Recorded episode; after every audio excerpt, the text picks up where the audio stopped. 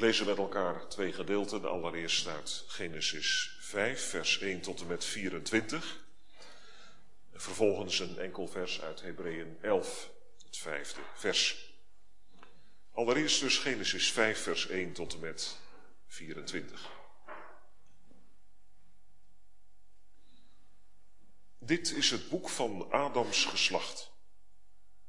Ten dagen als God de mens schiep, maakte hij hem naar de gelijkenis Gods. Man en vrouw schiep hij hen en zegende ze en noemde hun naam mens ten dagen als zij geschapen werden. En Adam leefde 130 jaren en gewon een zoon na zijn gelijkenis, na zijn evenbeeld en noemde zijn naam Seth. En Adams dagen, nadat hij Seth gewonnen had, zijn geweest 800 jaren en hij gewon zonen en dochteren. Zo waren al de dagen van Adam die hij leefde 900 jaren en 30 jaren en hij stierf. En Seth leefde 105 jaren en hij gewon Enos. En Seth leefde nadat hij Enos gewonnen had 807 jaren en hij gewon zonen en dochters. Zo waren al de dagen van Seth 912 jaren en hij stierf. En Enos leefde 90 jaren en hij gewon Kenan. En Enos leefde nadat hij Kenan gewonnen had 815 jaren. En hij gewon zonen en dochters. Zo waren al de dagen van Enos 905 jaren. En hij stierf. En Kenan leefde 70 jaren en hij gewon Mahalalel. En Kenan leefde nadat hij Mahalalel gewonnen had 840 jaren. En hij gewon zonen en dochters. Zo waren al de dagen van Kenan 910 jaren. En hij stierf. En Mahalalel leefde 65 jaren en hij gewon Jered. En Mahalalel leefde nadat hij Jered gewonnen had 830 jaren en hij gewon zonen en dochters. Zo waren al de dagen van Mahalalel 895 jaren en hij stierf. En Jered leefde 162 jaren en hij gewon Henoch. En Jered leefde nadat hij Henoch gewonnen had 800 jaren. En hij gewon zonen en dochters. Zo waren al de dagen van Jered 962 jaren. En hij stierf. En Henoch leefde 65 jaren en hij gewon Methuselah. En Henoch wandelde met God nadat hij Methuselah gewonnen had 300 jaren. En hij gewon zonen en dochters. Zo waren al de dagen van Henoch 365 jaren. Henoch dan wandelde met God en hij was niet meer, want God nam hem weg. En dan Hebreeën 11, het vijfde vers, waar een bepaalde belichting van Henoch gegeven wordt. Door het geloof is Henoch weggenomen geweest opdat hij de dood niet zou zien. En hij werd niet gevonden, daarom dat God hem weggenomen had. Want voor zijn wegneming heeft hij getuigenis gehad dat hij Gode behaagde. De tekst voor de bediening van het woord vindt u in Genesis 5, vers 24. nog dan wandelde met God en hij was niet meer, want God nam hem weg. Tot zover. We willen samen de Heer bidden om zijn zegen over onze samenkomst. In ons gebed willen we denken aan dominee Achterhof.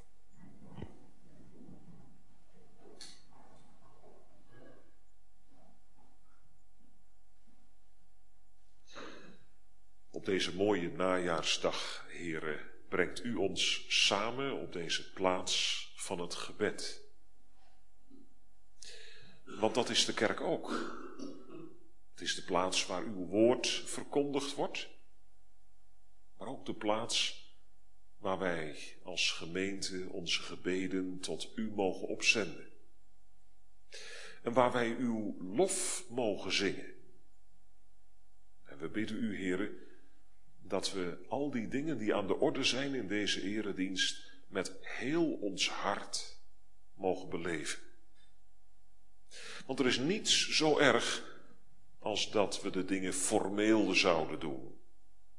Dat u van ons zou moeten zeggen, dit volk nadert tot mij met de lippen, maar hun hart houdt zich ver van mij.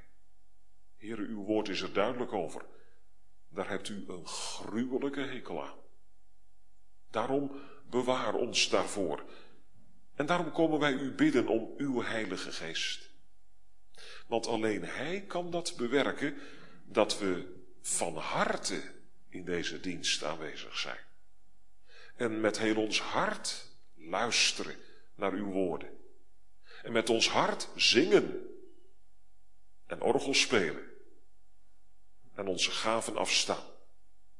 Heren, zou u dat willen geven? Dat is een geweldig geschenk waar dat gebeurt. Een onverdiend geschenk van onze kant. Want, heren, wij zijn hier in de kerk gekomen als mensen die een week achter zich hebben, waarin we zo vaak u tekort deden. Niet aan u dachten.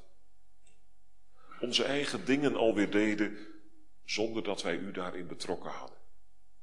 Woorden eruit flapten of gooiden die nooit gesproken hadden mogen worden. Heren, het blijkt zo vaak dat wij onze eigen wegen gaan.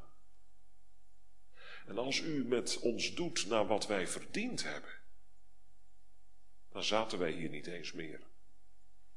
Dan zouden we in elk geval geen zegen kunnen ontvangen. Heer, alstublieft, behandel ons niet in overeenstemming met, wat wij waardig zijn. Maar wilt u naar uw zoon kijken? die aan uw rechterhand is, die alles volbracht heeft om zondaars te redden. Wij pleiten op zijn werk en we willen schuilen achter hem. En als dat ons nog vreemd is persoonlijk, wilt u het ons alstublieft leren en ons strekken en ons bekeren. Wilt u de dienst van deze morgen daarvoor gebruiken, opdat wij niet verder gaan zoals het was, maar in een nieuw, godvrezend leven mogen wandelen. En als we u kennen, heren, dan bidden we van u dat de wandel met u verdiept zal worden. Of misschien waren we afgedwaald. Kenden we die wandel wel, maar is er de klad ingekomen? Breng ons dan terug, heren. Zo bidden we dat u heel de gemeente zegent met het woord van u. Kinderen, jongeren, heren, laat ook zij mogen begrijpen waar het om gaat en al heel jong met u mogen wandelen. Want daar hoeven we gelukkig niet oud voor te zijn. Uw woord geeft ons ook verschillende voorbeelden van kinderen die u kende, die met u leefden. Heren, daar hebben we ook alle vrijmoedigheid in om het u te vragen. Wilt u zo ook al heel jong beginnen te werken? Niet alleen wij komen samen vandaag. Het mag op, op, op heel veel plaatsen gebeuren. En we bidden u dat u overal waar dat gebeurt, uw zegen wilt schenken. Ook aan hen die meeluisteren op dit moment of op een ander tijdstip. Heren, er zijn gelukkig verschillende middelen in de tijd waarin wij leven, die ook ten goede gebruikt kunnen worden. Er kunnen ook heel veel verschillende verkeerde dingen mee gebeuren, maar toch Heren, we mogen ook dankbaar zijn voor de mogelijkheden die u geeft om via moderne media het woord van u te verbreiden. Zegent u het ook op die manier. Wij bidden u voor al uw dienaren die uw woord mogen verkondigen. Laten zij dat zo mogen doen, heren, dat dat het stempel draagt van uw Heilige Geest. We bidden voor studenten die een stichtelijk woord mogen spreken. Dat het een goede oefening voor hen zal zijn om op die manier in de kerken voor te gaan. We bidden ook voor broeders die zo graag vandaag uw woord hadden willen verkondigen, maar die het niet kunnen, omdat ze er te oud voor geworden zijn. Of omdat er ziekte is. Zo bidden we bijzonder voor dominee Achterhof. Het is voor hem een hele teleurstelling dat opnieuw hij enige tijd uitgeschakeld is. We bidden u, heren, zou u hem nieuwe krachten willen geven. Alles willen geven wat nodig is om zijn taak te kunnen verrichten. Heren, wij zien op tot u, van wie wij onze verwachting hebben uitgesproken. En dat mag dan toch ook echt verwachting van u zijn. Want u hebt zulke heerlijke beloften gegeven in uw woord. Dat u er wilt zijn, heren, daar waar twee of drie in uw naam samen zijn, waar het woord van u klinkt. Heren, wilt u dat doen? En zo ons verheugen in uw bedehuis, zoals een van de profeten het zegt. Dat hier de echte blijdschap geschonken mag worden. De rust die u wilt, kwijt wilt aan zondige mensen. Heren, zo willen we samen alle dingen voor u neerleggen. Hoor ons bidden, niet om verdiensten van onze kant, maar alleen uit genade in Jezus' naam. Amen. Gemeenteres heren, wanneer hebt u voor het laatst gewandeld? Er zijn mensen die dat door lichamelijke omstandigheden niet meer kunnen. Er zijn ook heel wat mensen die er niet meer aan toekomen in hun leven. Aan hollen, vliegen, draven, wel. Wie in een grotere stad is, op een stationsplein staat en het is in zich opneemt wat daar gebeurt, die ziet het voor zijn ogen gebeuren. Je ziet er mensen lopen met in de ene hand de in de andere hand het mobieltje, of ze hebben dat aan hun oor. Stress is van hun gezicht af te scheppen en ze zijn bezig om op een draf de trein te halen of zich naar een volgende vergadering te spoeden. Wandelen, stil worden, dat is er feitelijk niet meer bij. En gemeente, dat zal ons niet voorbij gaan. Wij zijn allemaal westerse mensen. We leven niet op een eilandje, we krijgen er allemaal een tik van mee. En dan gaat het vanmorgen over wandelen. Wandelen met God. Wat is dat dan? En hoe leer je dat? Is dat überhaupt wel mogelijk in de hectische samenleving waarin wij met z'n allen staan? Moet je daar eigenlijk niet een soort kluizenaar voor worden, ergens in een stil klooster? En als je met de Here wandelt, maakt het dan verschil voor de manier waarop je in het leven staat? En ook voor de manier waarop je dit leven uitgaat? Wel, we willen op zoek gaan naar wat de Heer daarover zegt in zijn woord. En we doen dat onder het thema wandelen met God. En dan zien we drie dingen. In de eerste plaats, wat dat van binnen is. Vervolgens, hoe je dat naar buiten merkt.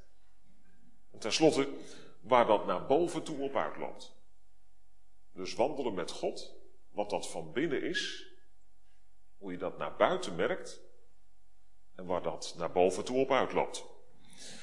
Misschien dacht iemand toen we met elkaar zo Genesis 5 lazen, wat een somber hoofdstuk is dat. En wat klinkt dat allemaal saai en dan dat, dat verdrietige refrein.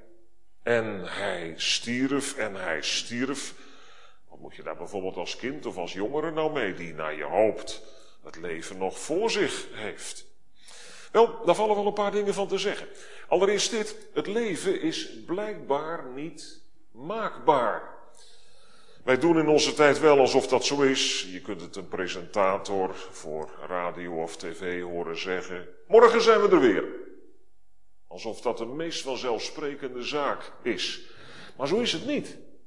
Dat de wereld nog steeds verder gaat, dat we weer een nieuwe dag ontvangen hebben, is alleen maar een wonder van Gods genade. Want er gaat iets vooraf aan Genesis 5. Wij ruiken in dit hoofdstuk als het ware nog de kruiddamp van de opstand tegen God, zoals Genesis 3 ons die beschrijft. De mensheid viel in zonde, keerde God de rug toe en toen gingen de doodsklokken luiden. De dood is het loon dat de zonde uitkeert. En dat hoor je hier in Genesis 5 voortdurend terug. God zou geen enkel onrecht hebben gedaan als hij het na Genesis 3 voor gezien zou houden. En niet meer verder zou gaan met de mensheid. Maar wat een genade, hij maakt er toch geen einde aan. En dat zien we heel sprekend aan het begin van hoofdstuk 5. Dit is het boek van Adams geslacht. De HSV heeft afstammelingen van Adam. En die uitdrukking die kom je vaak voor tegen in, eh, tegen in Genesis, boek Genesis. Het boek van het geslacht van, van de geboorten van. Juist als er sprake is van een nieuw begin. Door het wonder van Gods goedheid is er steeds weer een nieuwe generatie. Hoe zegt Psalm 100 het ook alweer? Zijn trouw is van geslacht tot geslacht. Dat we hier dus in de kerk zitten, gemeente, als jongeren en ouderen samen, is dus een bewijs van Gods trouw en genade. Er valt ons nog iets op in Genesis 5. Als een volgende generatie wordt genoemd, gaat het steeds om de naam van de eerstgeborene. Er zijn zeker wel meer kinderen geboren in allerlei gezinnen in die tijd. Dat lezen we hier ook steeds. Hè. Hij gewon zonen en dochters. Maar het gaat in dit verband steeds om de eerstgeborene. Die was namelijk de eerstverantwoordelijke. Die had een bepaalde taak te midden van de familiekring. Hij draagt voortdurend zorg voor de rest. Er is nog iets opmerkelijks. Steeds weer zie je in dit gedeelte dat het leven van zo'n vader die genoemd wordt, in tweeën wordt gedeeld. De jaren voor de geboorte van de eerstgeborene en de jaren erna. Het is natuurlijk ook een ingrijpend gebeuren. Als je voor het eerst samen een kind uit Gods hand ontvangt. Hoeveel mensen zullen het niet gedacht of gezegd hebben, ik had het gevoel dat ik ineens vele jaren ouder was geworden. Dat ik ineens echt volwassen was geworden. Het is ook een moment waarop je diepste gevoelens bovenkomen. Waarop je sprakeloos bent van verwondering. En dan zo, te midden van die hele lijst met namen, met al die geboorten en dat steeds terugkerende refrein, en hij stierf, valt die ene naam op. Henoch. Eerst was het die ene cadans. Geboren worden, leven, trouwen, kinderen krijgen. Ook al is dat natuurlijk ook niet vanzelfsprekend, laten we dat erbij zeggen. En vervolgens sterven. Maar bij Henoch, geboren worden, leven, trouwen, kinderen krijgen, met God wandelen en dan sterven? Nee, tot God opgenomen worden. Hé nog, het is niet de eerste keer in de Bijbel dat deze naam vat. We komen hem ook tegen, kijkt u maar, in Genesis 4, vers 17. Dat is niet dezelfde Henoch. Daar gaat het over de zoon van Kain. Kain bouwde een stad en noemde die naar de naam van zijn zoon Henoch. Om een naam te maken onder de mensen op de, op de wereld. Om te kunnen pronken met cultuur en wetenschap. Dat blijkt uit alles in dat hoofdstuk. In Genesis 4 vinden we dus het geslachtsregister van Kain. In Genesis 5 dat van Seth, de zoon die aan Adam en Eva werd gegeven nadat Kain Abel had vermoord. De familie van Kain is echt anders dan die van Seth.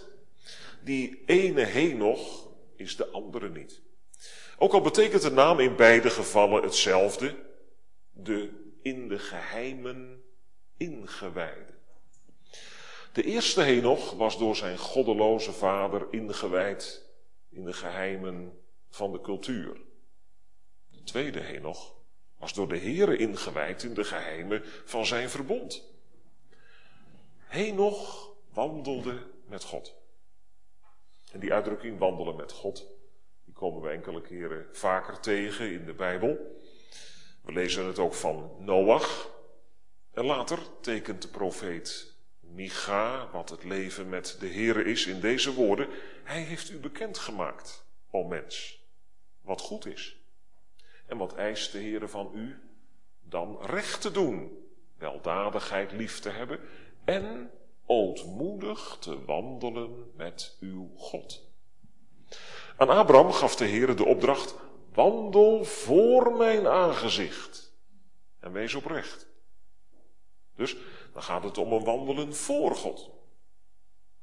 Van de Israëlieten in de woestijn lezen we dat ze, althans wanneer ze op hun plek waren tegenover de Heeren, wandelden achter hem. Maar in onze tekst klinkt het nog anders. Nog intiemer. Wandelen met God. Wandelen met elkaar.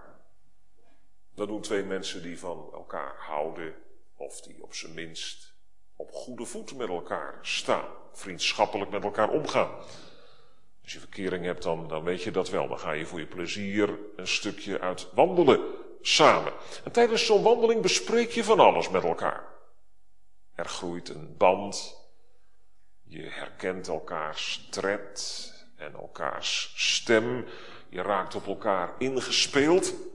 Je hebt op het laatst geen geheimen meer voor elkaar. Je spreekt van hart tot hart. Zo was dat nu ook met Henoch in zijn relatie tot God. Van stap tot stap leefde hij met de Heer. Dus dichtbij zijn God. Zoals een schaap de stem van de herder kent, zo kende Henoch de stem van God. En de band werd steeds intenser. De Heere liet Henoch delen in zijn heilgeheimen. En Henoch op zijn beurt mocht zijn hart uitstorten voor God. Hoe ontstaat nu zo'n intieme band met de Heer? Want misschien is er wel iemand vanmorgen die zegt: Ja, dat klinkt nou allemaal mooi, maar hoe kom ik daar nou aan? Zou dat nou voor mij ook mogelijk zijn? Was dat nou Henochs keus, gemeente, om te wandelen met God? Nee. Henoch was net zo geboren als wij allemaal. Met de rug naar God toe. Er is niemand die God zoekt, zegt de Bijbel. Dus ook Henoch niet. Nee, dat gaat helemaal van God uit. Hoe zou het ook anders kunnen? Hoe zou een, een onheilig, zondig mens het in zijn hoofd halen, het ooit kunnen opbrengen om te wandelen met een heilige God? We komen het zo vaak tegen in de Bijbel. Als de Heere even laat merken hoe indrukwekkend en hoe verheven hij is, dan wil de mens die hij ontmoet wel wegkruipen. Bang dat hij zou moeten sterven. Als wij dus lezen dat nog met God wandelde, dan weten we per definitie dat dat van Here uitgaat. Profeet Amos zegt het ergens op deze manier.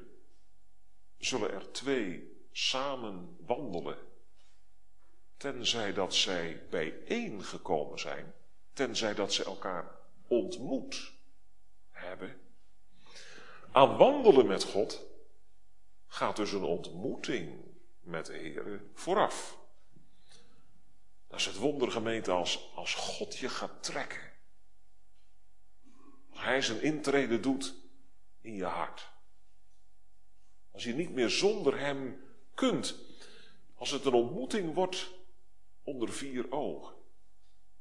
En in die ontmoeting wijst de Heer feilloos aan waar het in ons leven aan schort welke afgoden je erop nahoudt, hoe verdorven jouw hart is. In dat opzicht spaart hij ons niet, maar dat hebben we zo hard nodig.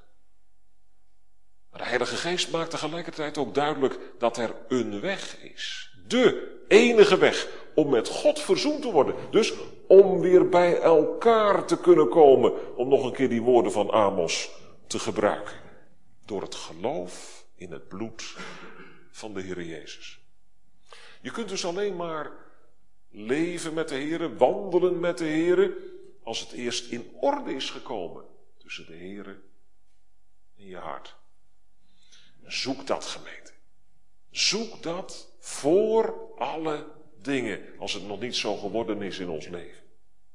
En als u er iets van mag kennen, laat het dan uw dagelijks gebed mogen zijn om te wandelen met de Heer, om daar ook in verdiept te worden, om de Heer steeds meer te mogen leren kennen.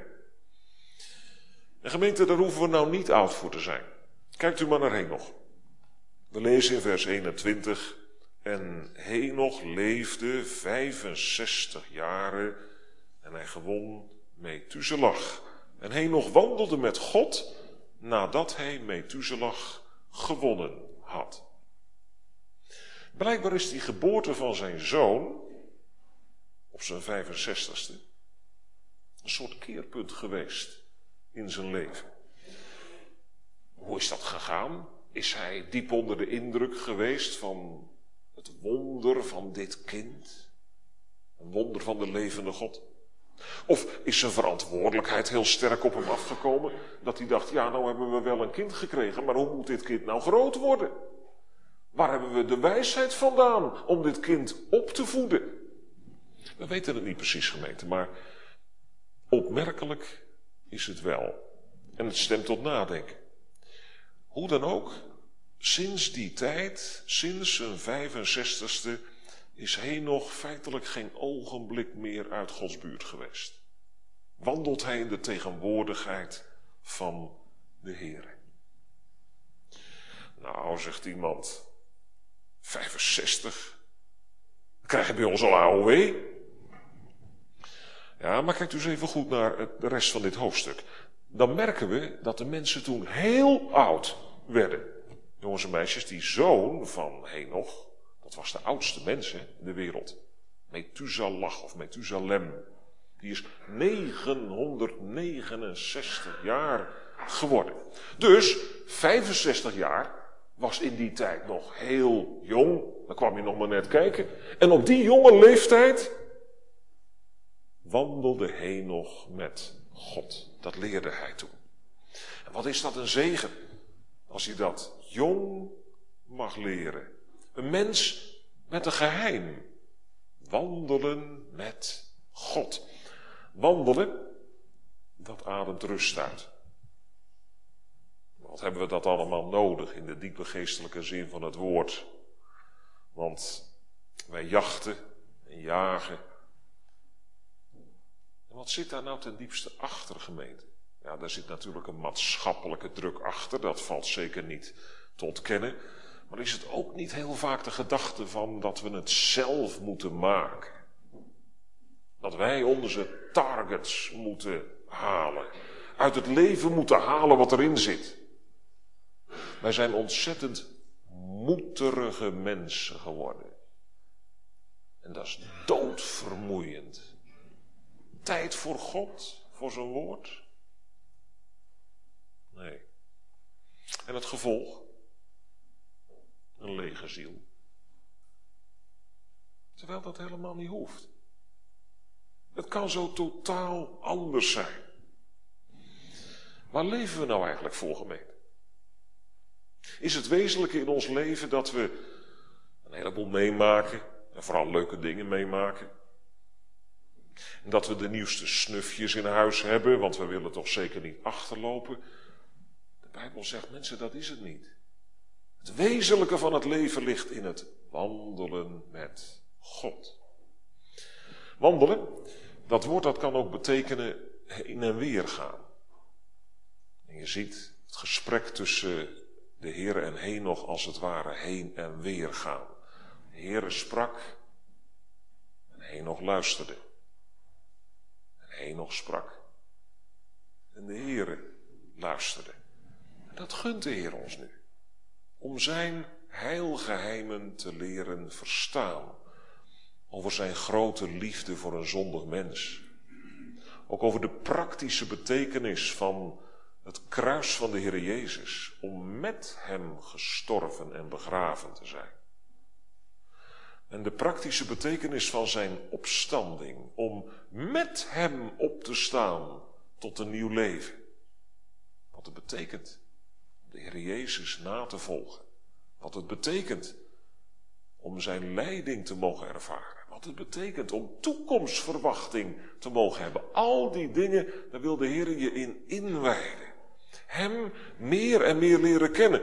Zodat je ook niet bij het eerste beste probleem van je stuk raakt. Als je met iemand wandelt, gemeente, dan merk je ook al vrij snel of er wat is. Of zelfs of er iets tussen zit. Wat de verhouding met die ander verstoort. Dan wil je dat graag uit de weg ruimen. En zo gebeurt dat ook tijdens die wandel van de Heere met zijn kind. De Heere zegt wat hij op zijn hart heeft. Wat hem verdriet doet in je leven. Opdat je het hem beleidt.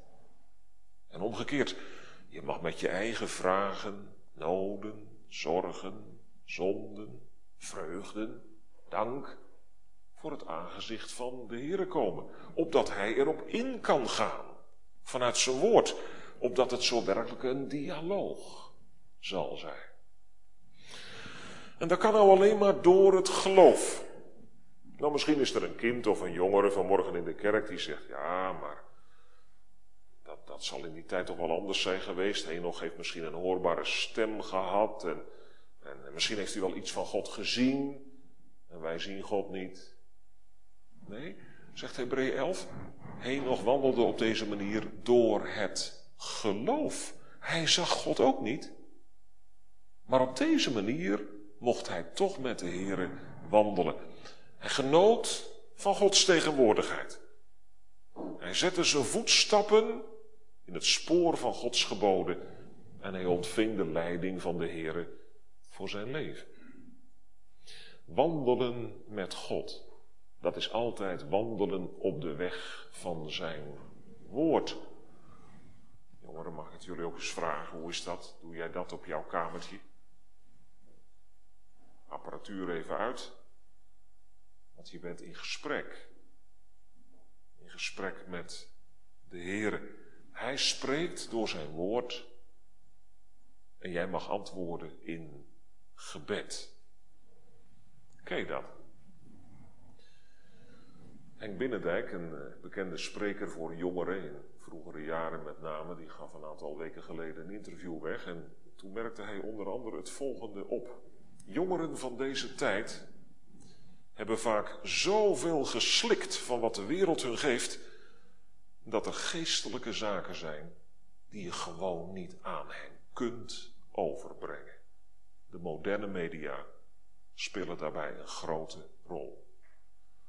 Vorige week had ik nog een gesprek op een, op een jongerenkring. En toen hadden we het er zo over. Hè? Hoe gaat dat nou met bijbellezen, met bidden? Toen was er een meisje heel eerlijk. Ze zei, ik zit zo vol in mijn hoofd. Ik kom er simpelweg niet aan toe om me nog te concentreren op het lezen van de Bijbel. Nou goed, dan hebben we het even over jongeren, maar ouderen, hoe is het met u?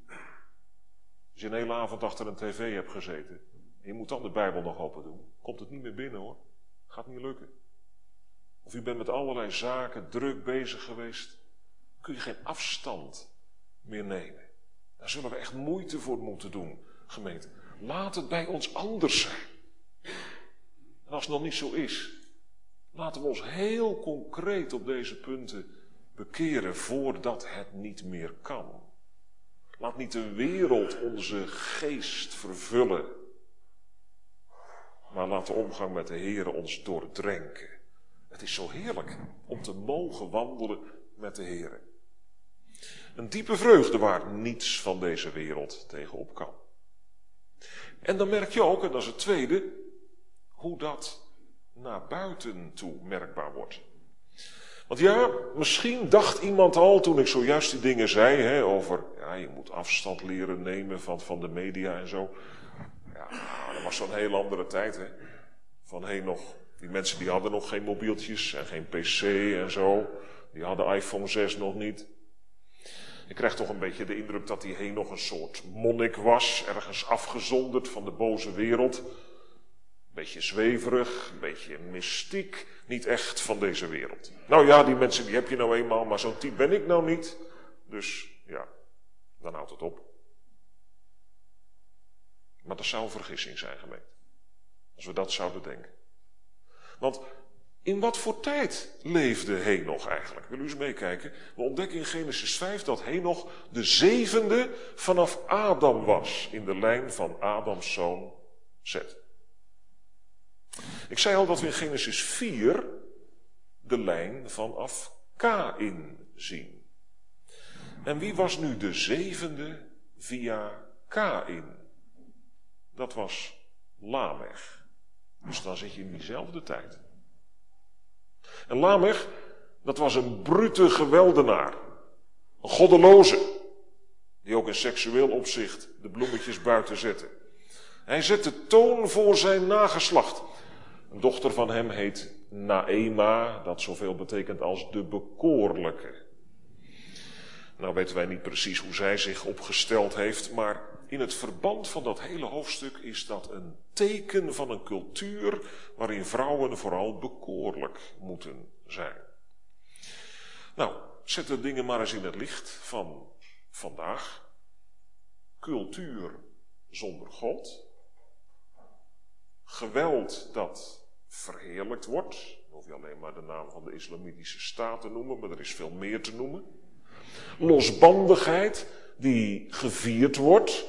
De vrouw als een lustobject die zichzelf in de etalage zet. Of soms bij de show van nieuwe auto's een bepaalde rol speelt. In die tijd van Lamech en de zijnen leefde Henoch. In een cultuur waar een geweldige zuigkracht van uitging. Ook vandaag is dat zo. Zuigkracht van de cultuur, hoezo? Wel, omdat uw en mijn hart en jouw hart daar van nature feilloos op aansluit en in meegaat. We lezen het letterlijk in Efeze 4 dat wij allemaal van huis uit wandelen, let u op dat woord wandelen, in de zinloosheid van ons denken, met een verduisterd verstand, vervreemd van het leven dat uit God is. En, zegt Efeze 4, dat kan zich uiten in allerlei vormen van losbandigheid en onreinheid. Maar ook als je niet tot die uitspattingen komt, omdat je een keurig kerkmens bent, gemeente, leeft die wereld toch in ons hart. En daarom heeft die moderne cultuur toch op de een of andere manier altijd een enorme aantrekkingskracht op ons. Nou, in zo'n tijd leefde ook Henoch. Geen kloosterleven dus. Nee, midden in de tijd. En dat is ook onze roeping. Niet om op een eilandje te gaan zitten, maar om in die wereld te wandelen met God. Dus Henoch's tijd was bepaald niet makkelijker dan de onze. Maar dan moet wel het verschil duidelijk worden. En dan zal het ook een strijd moeten zijn om je te midden van zo'n wereld rein te bewaren. En nogmaals, dat kan alleen maar vanuit de binnenkamer. Vanuit de stille omgang met God. In het overdenken van zijn woord en in het gebed. Gemeente, laten we nou alsjeblieft niet zeggen dat we daar geen tijd voor hebben. Want dat is een truc van de boze die hij al lang hanteert. Hij weet dat hij de levensader van de kerk afsnijdt als hij ons kan laten doorrollen tot wij erbij neervallen. Ik zal alleen naar buiten toe het verschil kunnen maken als ik innerlijk anders ben geworden. En dan merk je dat in Genesis 5 op twee terreinen. Er is veel meer te noemen gemeente, maar wij beperken ons vanmorgen tot deze twee terreinen. Allereerst familie, huwelijk en gezin. Henoch was de eerstgeborene. En we zagen al, dat betekent ook dat hij de eerstverantwoordelijke was. En die verantwoordelijkheid heeft hij genomen voor allen die bij hem horen. Hij parkeerde zichzelf niet naast de vragen van de tijd, maar hij stond daar middenin. Te midden van die seksuele ontsporing van zijn tijd, waar Genesis 4 over spreekt, leefde hij heilig met zijn vrouw. En was hij een godvrezende vader voor zijn kinderen. Gemeente, juist op het gebied van relaties zullen we vandaag het verschil moeten maken.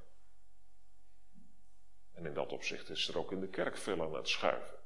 Voor zover u het eh, Reformatorisch Dagblad leest, kon u zien dat daar ook een enquête is gehouden over het punt van echtscheiding. Dan zie je de dingen ook schuiven in onze eigen kring. En natuurlijk, daar kun je een heleboel van zeggen en er kunnen allerlei oorzaken van zijn. Maar het water van de zee wist niet af dat ons denken langzamerhand ook anders gaat worden. Als we niet oppassen.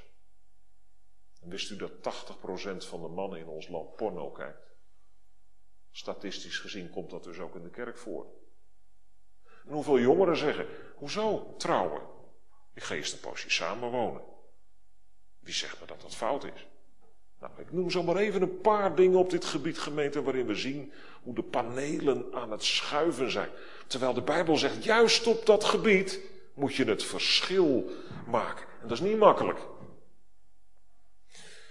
Er was een studente die in een collegezaal met 400 studenten aanwezig was. En zij was Christin. En de docent vroeg, wie van jullie is er nog nooit met iemand naar bed geweest? En zij was de enige die haar vinger opstak. En ze zei, ik kon wel door de grond zakken. Maar ik moest er toch vooruit komen. Zie je? Dan ben je anders in deze wereld. Dat is niet makkelijk. Juist omdat iedereen het gewoon vindt. Daarom, gemeente, laten we juist op dit terrein ook biddend onze weg gaan. Biddend om de kracht van de Heilige Geest. En dan nog een tweede terrein waarop een christen het verschil maakt. We lezen dat niet hier in Genesis 5, maar wel in een ander Bijbelgedeelte waarin Henoch wordt genoemd, de brief van Judas.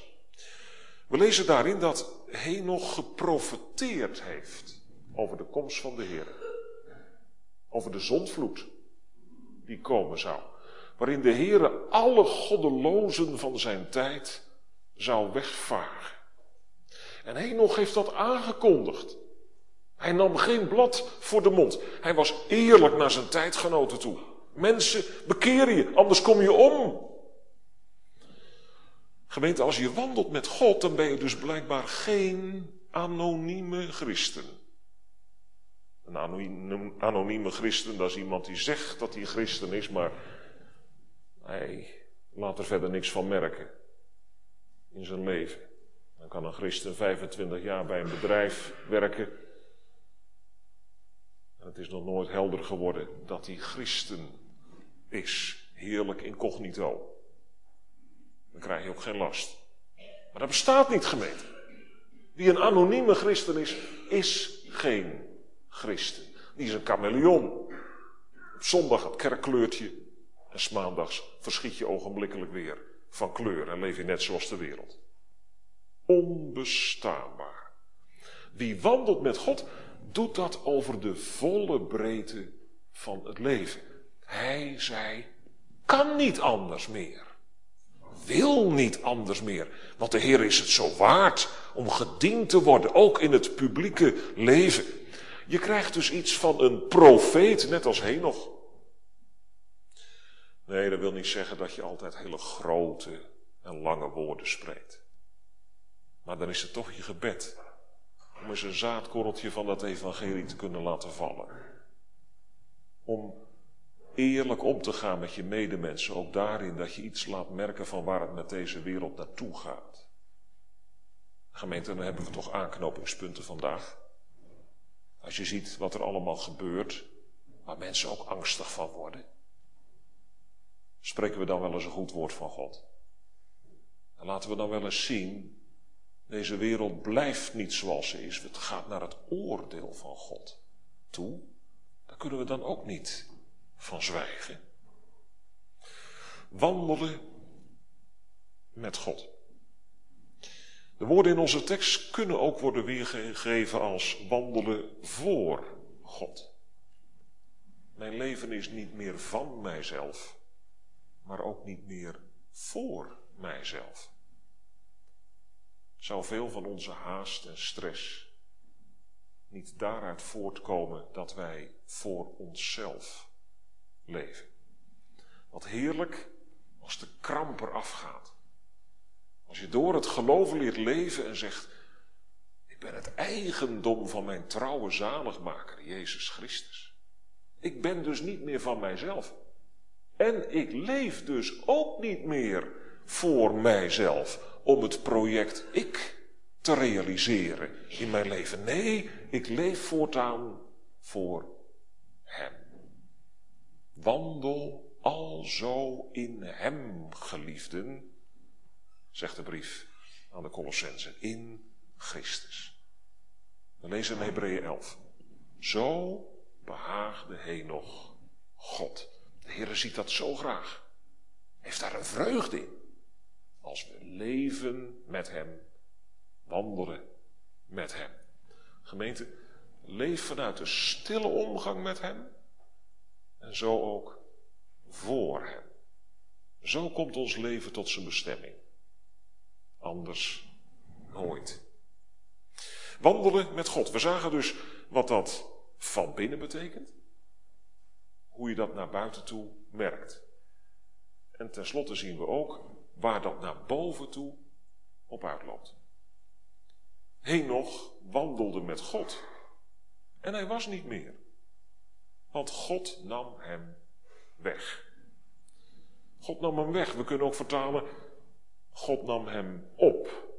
Zoals dat gebeurde bij Elia, jongens en meisjes, weet je wel.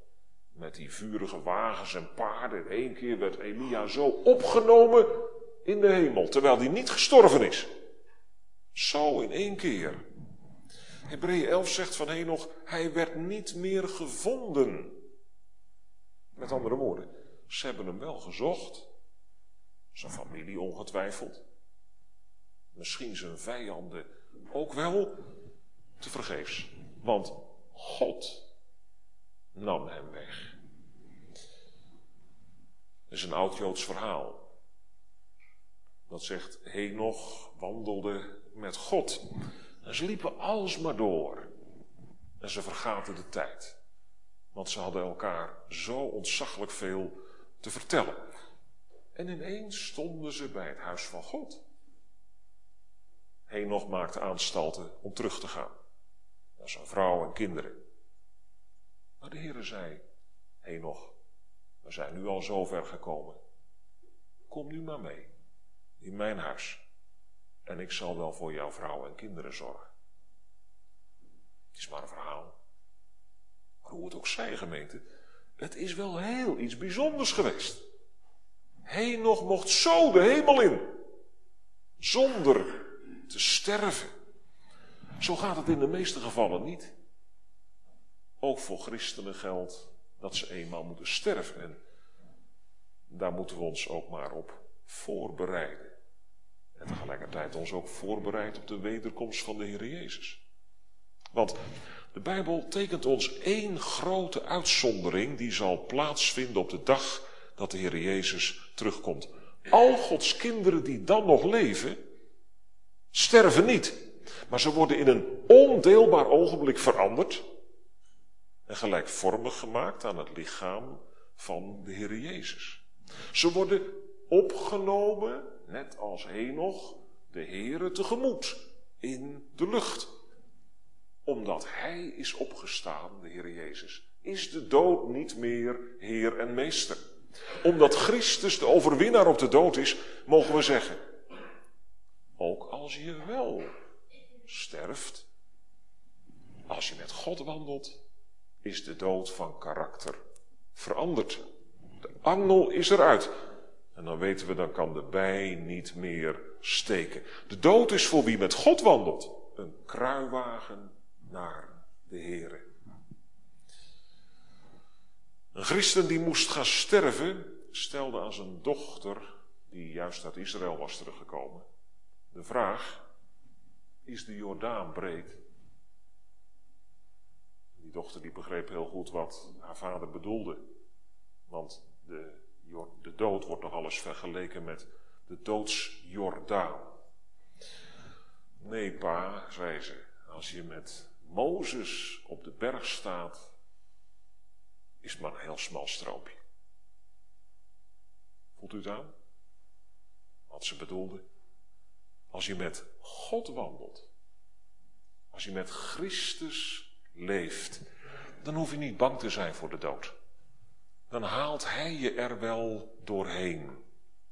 Op kosten van Christus.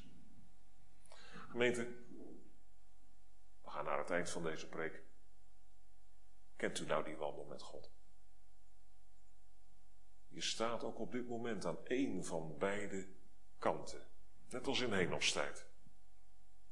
Aan de kant van hen die leven met de Heere, wandelen met Hem. Of aan de kant van hen die leven zonder de Heere en dus leven voor zichzelf. Je leeft of met de Heere of met de boze. Er is geen neutraal terrein. De lijn van die wandel zonder God voert naar de eeuwige dood. Dat moet verschrikkelijk zijn. De andere lijn voert naar het thuiskomen bij de Heer. Wat is dat heerlijk als je wandelt met de Heer. Wat een diepe vreugde. En als dan het moment komt dat je sterven moet, dat er dan gezegd kan worden, hij, zij is niet meer.